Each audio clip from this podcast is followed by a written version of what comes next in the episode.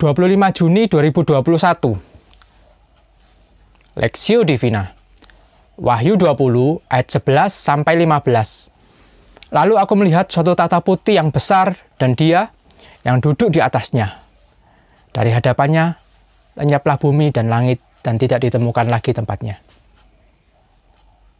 Dan aku melihat orang-orang besar, orang-orang mati, besar dan kecil, berdiri di hadapan tahta itu, lalu dibuka semua semua kitab.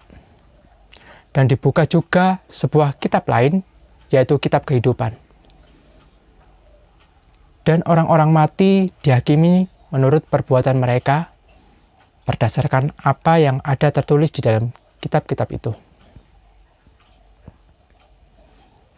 Maka laut menyerahkan orang-orang mati yang ada di dalamnya, dan maut dan kerajaan maut menyerahkan orang-orang mati yang ada di dalamnya.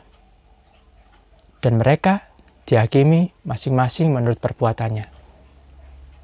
Lalu maut dan kerajaan maut dilemparkanlah. Lalu maut dan kerajaan maut itu dilemparkanlah ke dalam lautan api. Itulah kematian yang kedua, lautan api.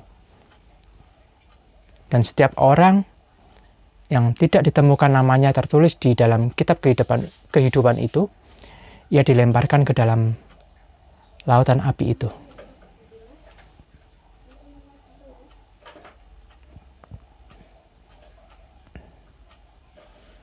hidup itu adalah kesempatan, perspektif. Dan setiap orang yang tidak ditemukan namanya tertulis di dalam kehidupan itu, ia dilemparkan ke dalam lautan api itu. Wahyu 20 ayat 15.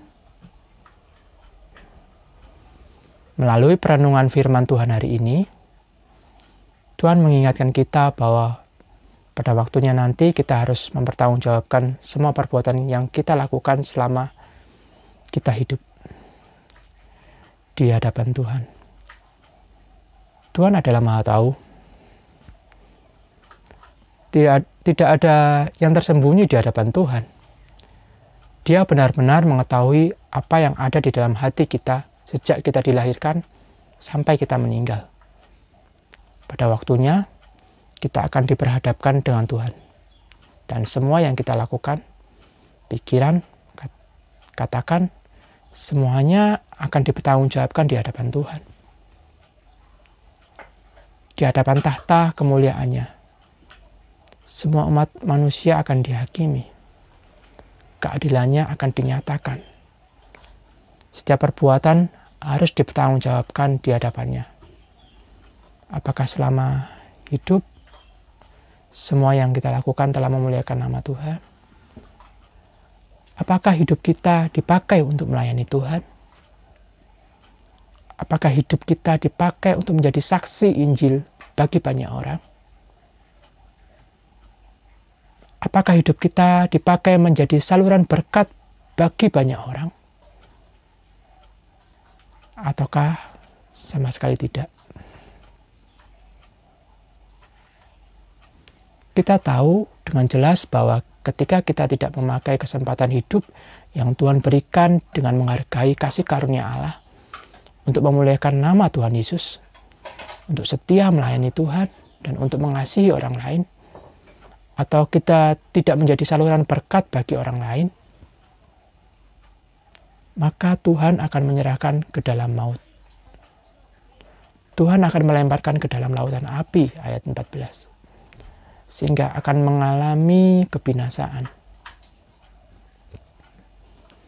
Tetapi bagi setiap orang yang benar-benar memakai kesempatan hidupnya untuk tetap setia dan percaya kepada Tuhan, menghargai kasih karunia Allah, memuliakan dan melayani Allah, serta menjadi saluran berkat bagi banyak orang, maka ia mendapat perkenanan di hadapan Tuhan dan kehidupan kekal bersama dengan Tuhan akan menjadi miliknya.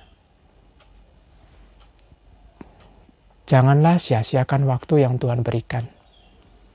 Pakailah dengan baik dan benar.